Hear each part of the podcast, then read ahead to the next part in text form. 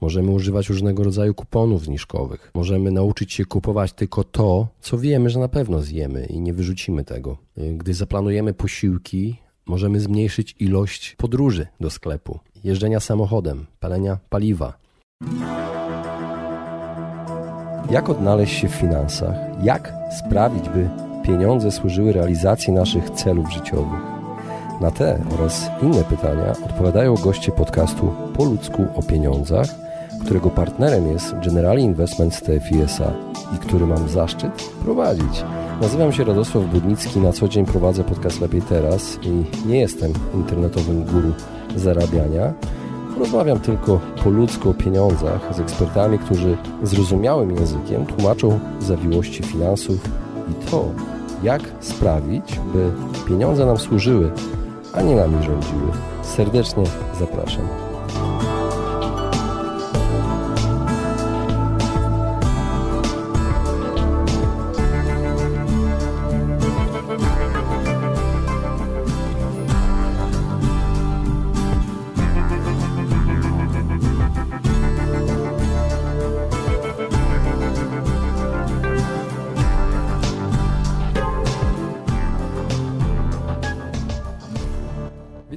Serdecznie w kolejnym odcinku podcastu Po ludzko pieniądzach. Dzisiaj postanowiłem nagrać solowy odcinek na temat, który ostatnio chodzi mi często po głowie.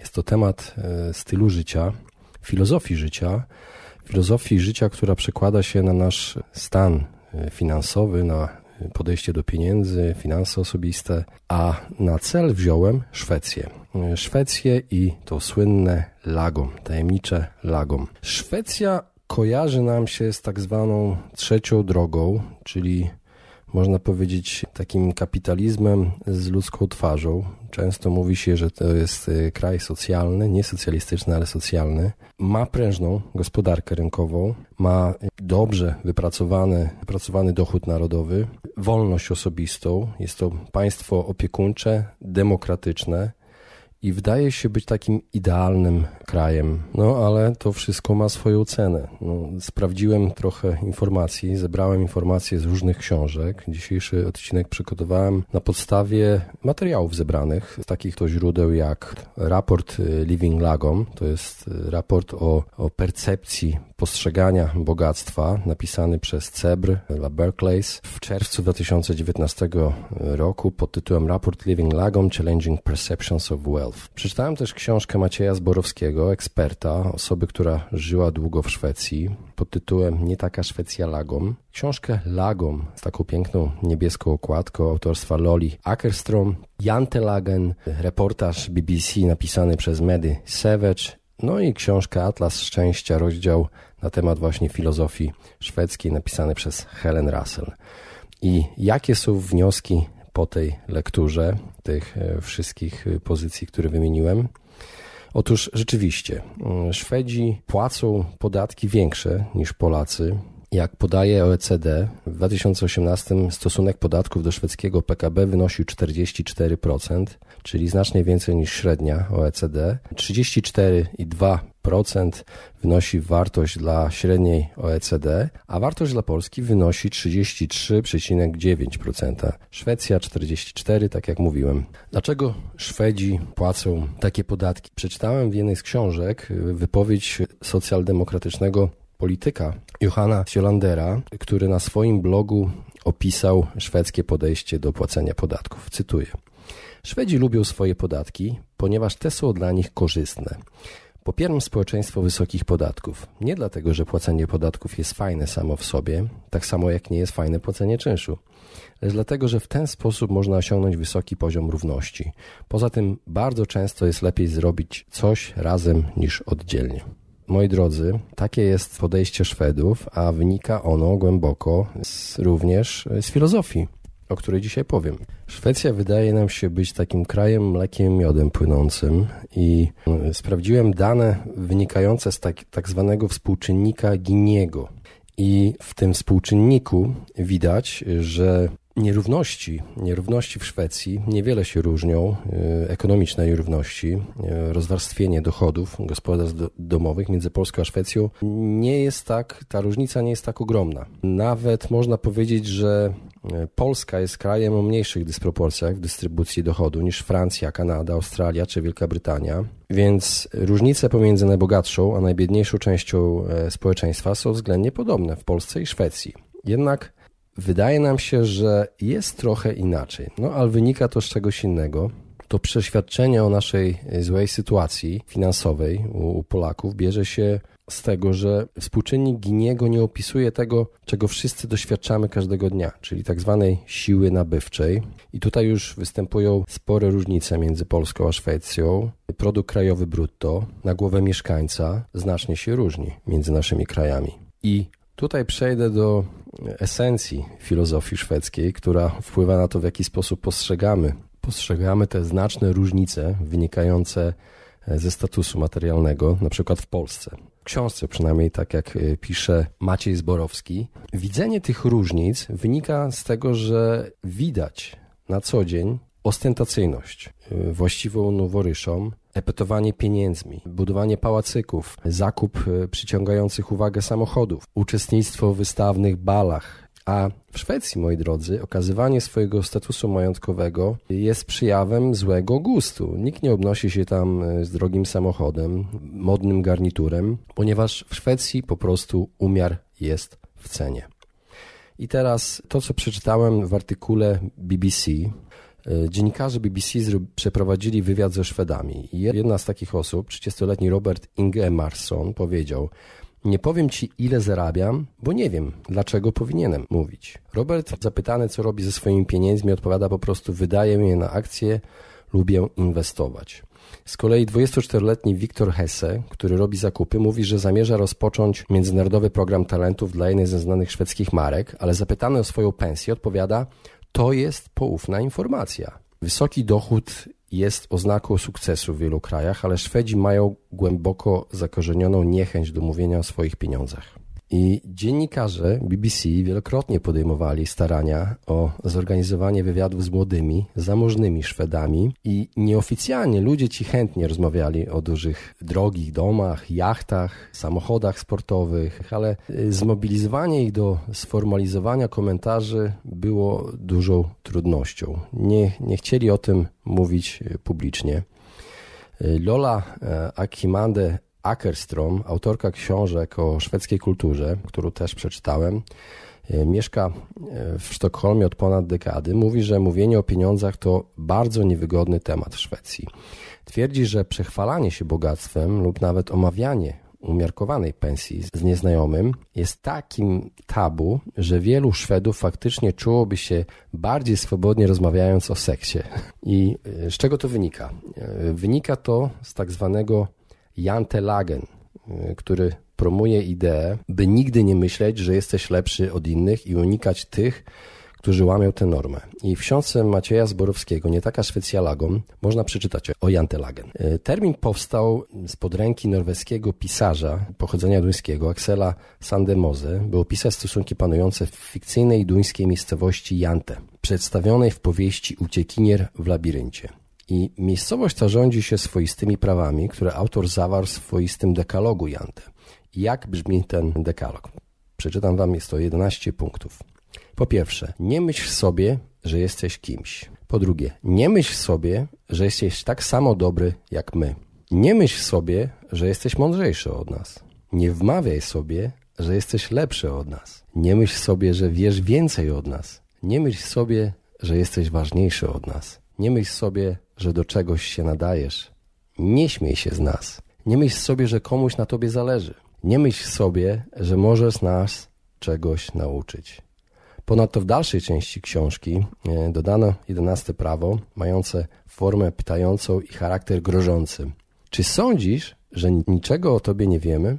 Tak, moi drodzy. Przypomina to trochę mentalność kraba. Nie wiem, czy słyszeliście o mentalności kraba, o krabach, które, e, krab, który chce się wyrwać z tego samego, podobnego stanu jak inne kraby, siedząc w wiadrze. Próbuje wyjść na zewnątrz, to inne kraby go ściągają na dno, na dół do siebie. No ale Jantelag wydaje się być bardziej pozytywną e, formą niż ta mentalność kraba. No ale czym jest słynny lagom, o którym chcę dzisiaj Wam powiedzieć? Według książki Atlas Szczęścia Helen Russell, Lagon to jest przysłówek lub przymiotnik od szwedzkiego lag, czyli drużyna.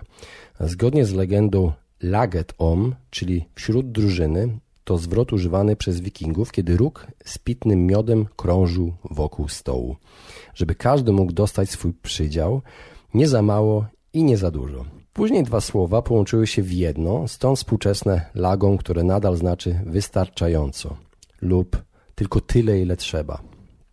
I tak, moi drodzy, nikt nie pozbawi was nowego samochodu, no ale raczej zostaniecie wyśmiani za taki wydatek, za taki, jeżeli to jest przesadnie drogi samochód.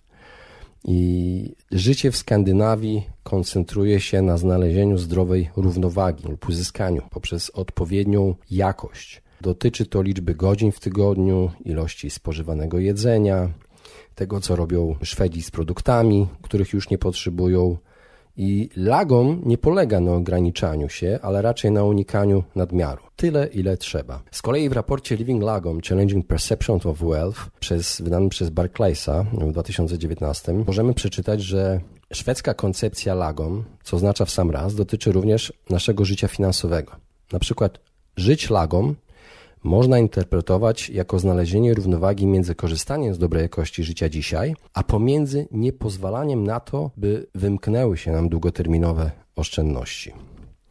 I z tych badań wynika, że zastosowanie tych zasad w naszym życiu finansowym ma potencjał i znacznie zwiększa szczęście i samopoczucie. Pierwsza część tej analizy wykorzystuje dane z brytyjskiego sondażu gospodarstw domowych w celu ustalenia zależności statystycznej między raportowanym poziomem zadowolenia z życia a szeregiem zmiennych finansowych. I kluczowe ustalenia z tej części badań obejmują średnie poziomy zgłaszanego zadowolenia z życia rosną zgodnie ze wskaźnikiem oszczędności gospodarstw domowych. Tak, moi drodzy, zadowolenie rośnie wraz z oszczędnościami. Wzrost wskaźnika oszczędności o 10 punktów procentowych zwiększa prawdopodobieństwo zadowolenia z życia o 1,4 punktu procentowego. Jest to porównywalne do efektu posiadania doskonałego zdrowia i ma większy efekt na samopoczucie niż ten wynikający z bycia w małżeństwie. Tak mówi ten raport. Podobnie, w przypadku osoby nieposiadającej konta oszczędnościowego, otwarcie takiego konta zwiększa prawdopodobieństwo wysokiego wyniku zadowolenia z życia o 1,3 punktu procentowego.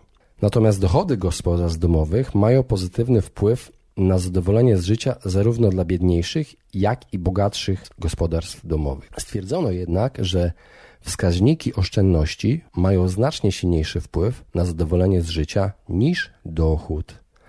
Także, moi drodzy, zadowolenie z życia można osiągnąć oszczędzając więcej, bez konieczności zarabiania więcej. Takie są pokrótce wyniki tego raportu. Jednak badania te wykazały, że chociaż istnieje pozytywny związek między dochodami a szczęściem wśród osób w poszczególnych krajach, średni poziom szczęścia nie wzrasta systematycznie w miarę wzbogacania się krajów. Czyli na przykład zjawisko to można było zaobserwować we współczesnej historii gospodarczej. W latach 1958-1991 Japonia e, przeżyła sześciokrotny wzrost realnego PKB na mieszkańca. Jednak pośród tego japońskiego cudu średnie poziomy zadowolenia z życia pozostały przeważnie stabilne. Podobnie w Stanach Zjednoczonych badacze stwierdzili ujemny trend w zakresie średniego szczęścia między 1972 a 1998 pomimo znacznego wzrostu realnych dochodów. I tutaj możliwym wyjaśnieniem, według raportu tej obserwacji, jest to, że względna pozycja jednostki w społeczeństwie jest kluczowym czynnikiem determinującym zadowolenie z życia. Oznacza to, że gdy kraj rozwija się gospodarczo i dochody rosną, ludzie niekoniecznie będą szczęśliwi. Nie będą szczęśliwi, jeśli ich względna pozycja w społeczeństwie pozostanie niezmieniona. I ogólnie rzecz biorąc, badania te sugerują, że ludzie niekoniecznie muszą być bogaci lub wydawać dużo pieniędzy, aby być szczęśliwymi. I życie w ramach własnych środków finansowych, dzięki wyższym oszczędnościom, przy jednoczesnym, holistycznym podejściu do życia, które zwraca uwagę na elementy finansowe, elementy społeczne, ma większy potencjał do zwiększenia właśnie zadowolenia z życia, do zwiększenia poczucia szczęścia u ludzi. Także nie tylko finanse, ale również e, podejście do innych ludzi dookoła nas, do siebie nawzajem, życzliwość. I Tutaj e, Szwecja może i szwedzkie podejście daje idealny przykład, bo w Szwecji nie zobaczysz ludzi obnoszących się z bogactwem, pieniędzmi, przechwalania się tym, ile bogactwa zgromadzili. Mniej znaczy więcej. I to jest zakorzenione w świadomości publicznej. Oznacza to spędzanie czasu, wydawanie pieniędzy w sposób przemyślany, celowy. Lagom to jest taka forma minimalizmu. Prowadzi do mniejszego bałaganu w głowie, mniejszej ilości odpadów, większej ilości pieniędzy przeznaczonych do oszczędzania, inwestowania. Lagom oferuje logiczne, zdrowo, rozsądkowe podejście i daje rozwiązania. Skupia się przede wszystkim na wydawaniu pieniędzy poniżej poziomu naszych dochodów. Zmusza do większej analizy każdej decyzji zakupowej każe wyzbyć się rzeczy zbytecznych. I tak jak mówiłem na początku, w Szwecji istnieje kultura płacenia na tyle wysokich podatków, by można było traktować to w pewnym sensie jako odkładanie pieniędzy na czarną godzinę, ponieważ Szwedzi wierzą, głęboko wierzą w swój system podatkowy, bo można na niego liczyć, kiedy przychodzi moment potrzeby pomocy ze strony państwa.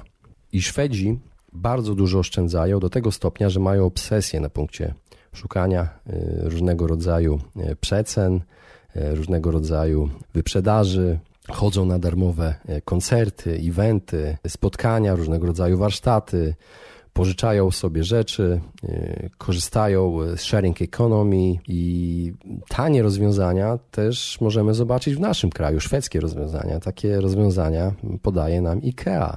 Są to tanie, funkcjonalne przedmioty, niewiele kosztują, są można je samemu złożyć własnymi siłami w swoim domu. Można te rzeczy naprawić. Nie musisz lubić y, mebli IKEA, ale można y, doceniać to, co robi IKEA, jeśli chodzi o lagom. Te produkty są y, tanie, funkcjonalne. Dodatkowo przeczytałem w tych książkach, że firma, że IKEA oferuje warsztaty, gdzie uczy, jak unikać marnotrawstwa, jak oszczędzać pieniądze przez to, na warsztatach można się nauczyć tego, jak decydować, ile rzeczy naprawdę w życiu potrzebujemy, jakiego jedzenia, jakiej ilości jedzenia potrzebujemy i uczymy się świadomości tego, jak kupujemy jedzenie. Można zacząć samemu zaplanować taki tydzień, stworzyć posiłki, w których możemy resztki wykorzystać no, na lunch na następny dzień.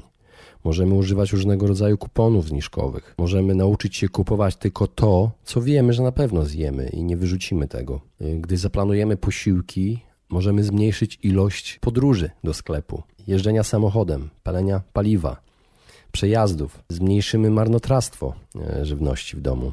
Będą korzyści dla e, środowiska, będą korzyści dla naszej kieszeni. Szwedzi planują swój budżet na każdy rok, na każdy miesiąc, tydzień, dzień. Używają tylko tego, czego potrzebują. Ograniczają impulsywne zakupy.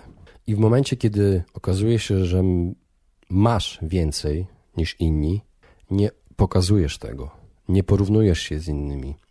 Skupiasz się tylko na tym, co masz w sobie. Nikt nie popisuje się swoim bogactwem.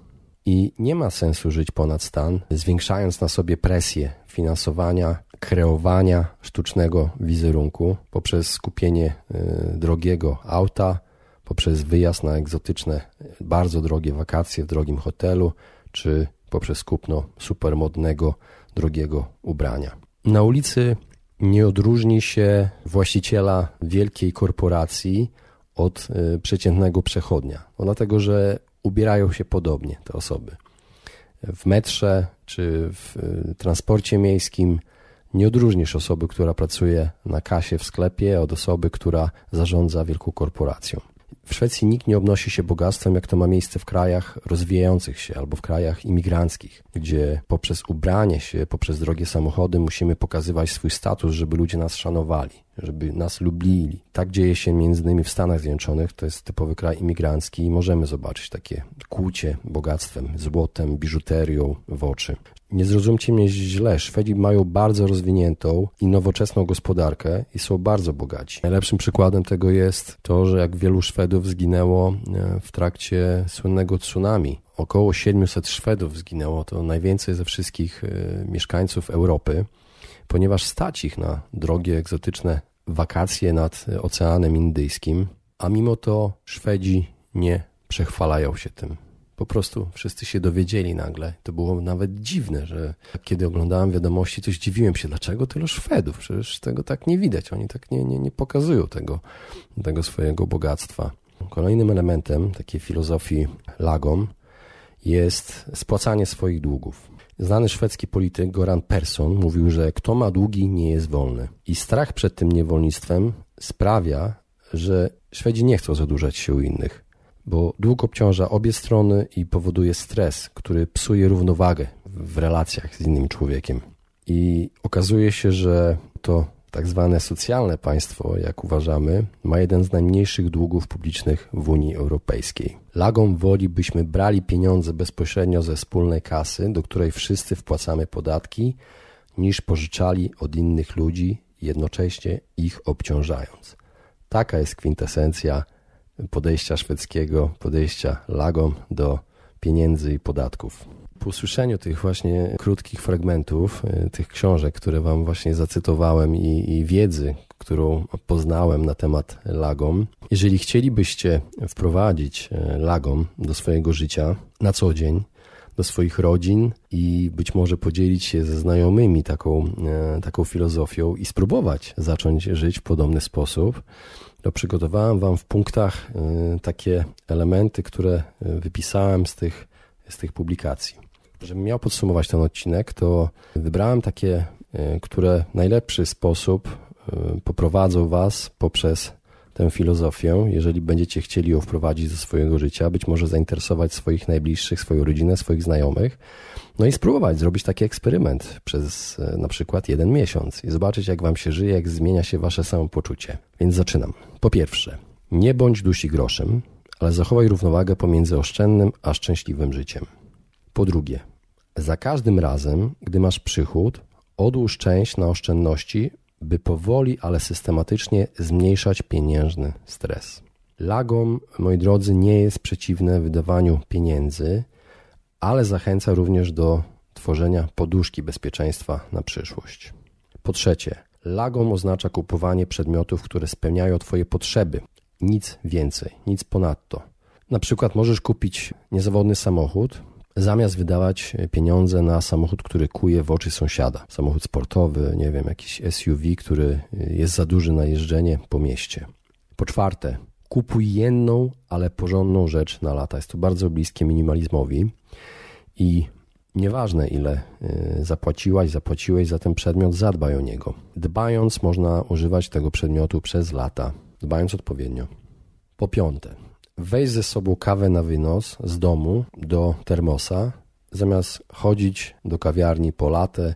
Tutaj typowy efekt latę się kłania, gdzie ziarnko do ziarnka zbiera się na koniec miesiąca spora suma wydana na latę dwa razy dziennie, chociażby jakieś 30 zł. Policzmy ile to wychodzi. 900 zł w miesiącu. Czy masz tyle pieniędzy na latę? Po szóste, zastanów się, czy twoja szklanka naprawdę jest w połowie pusta, czy wystarczy ci to, co do niej nalano. Także dylemat, szklanka pełna czy szklanka pusta. To wszystko zależy od perspektywy postrzegania swojego życia. Po siódme, przestań się ścigać z innymi, pracować więcej, żeby wydawać więcej, bo to nie ma końca. Pomyśl i zastanów się, ile oznacza dla ciebie słowo starczy, ile to jest starczy. Każdy ma swoje starczy, wystarczy. I staraj się dążyć do tego stanu. Wystarczy. Ile to jest? Gdzie kończy się? Gdzie jest ten limit, że mam już dość? Mam wszystko, czego potrzebuję. Ta ilość mi wystarczy do życia. Miesięcznie ta ilość jedzenia mi wystarczy, ta ilość ubrań. Zastanów się. Po ósme, kupuj rzeczy używane, na przykład ubrania yy, albo używane meble, yy, fotel napraw go. Możesz też handlować ubraniami dla niemowląt. Możesz sprzedawać te ubrania, z których już twoje dzieci wyrosły. Możesz kupować używane podręczniki do szkoły dla dzieci albo chodzić do biblioteki zamiast wydawać, tak jak ja, pieniądze na książki. Dziewiąte. Zacznij prowadzić budżet, zapisując swoje wydatki. Zrób listę. Warto wiedzieć, ile wydajesz według różnych kategorii, żeby wiedzieć potem, gdzie trzeba zaoszczędzić. Takie śledzenie to jest pierwszy krok. Można to robić na papierze, można też skorzystać e, z jakiejś aplikacji. Dużo jest takich aplikacji. Zastanów się, patrząc na tę listę, z czego możesz e, spokojnie zrezygnować. Możesz porozmawiać z doradcą finansowym. jak pozbyć się długów. Możesz słuchać poprzednich odcinków, wcześniejszych odcinków po ludzku o pieniądzach oczywiście. I po dwunaste, nie żyj ponad stan i na pokaz, bo to jest męczące i stresujące życie. Uprzejmie Wam dziękuję za wysłuchanie e, tego odcinka, no i zachęcam do zainteresowania się filozofią Lagą. Pozdrawiam serdecznie.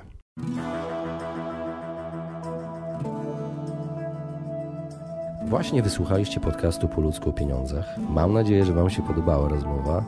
Jeżeli Wam się podobała, poświęćcie swój czas, proszę, by pozostawić swoją recenzję na iTunes. Jeżeli macie pytania lub e, propozycje dotyczące kolejnych audycji, piszcie do mnie na fanpage'u Po ludzku o pieniądzach i do usłyszenia w następnym razem.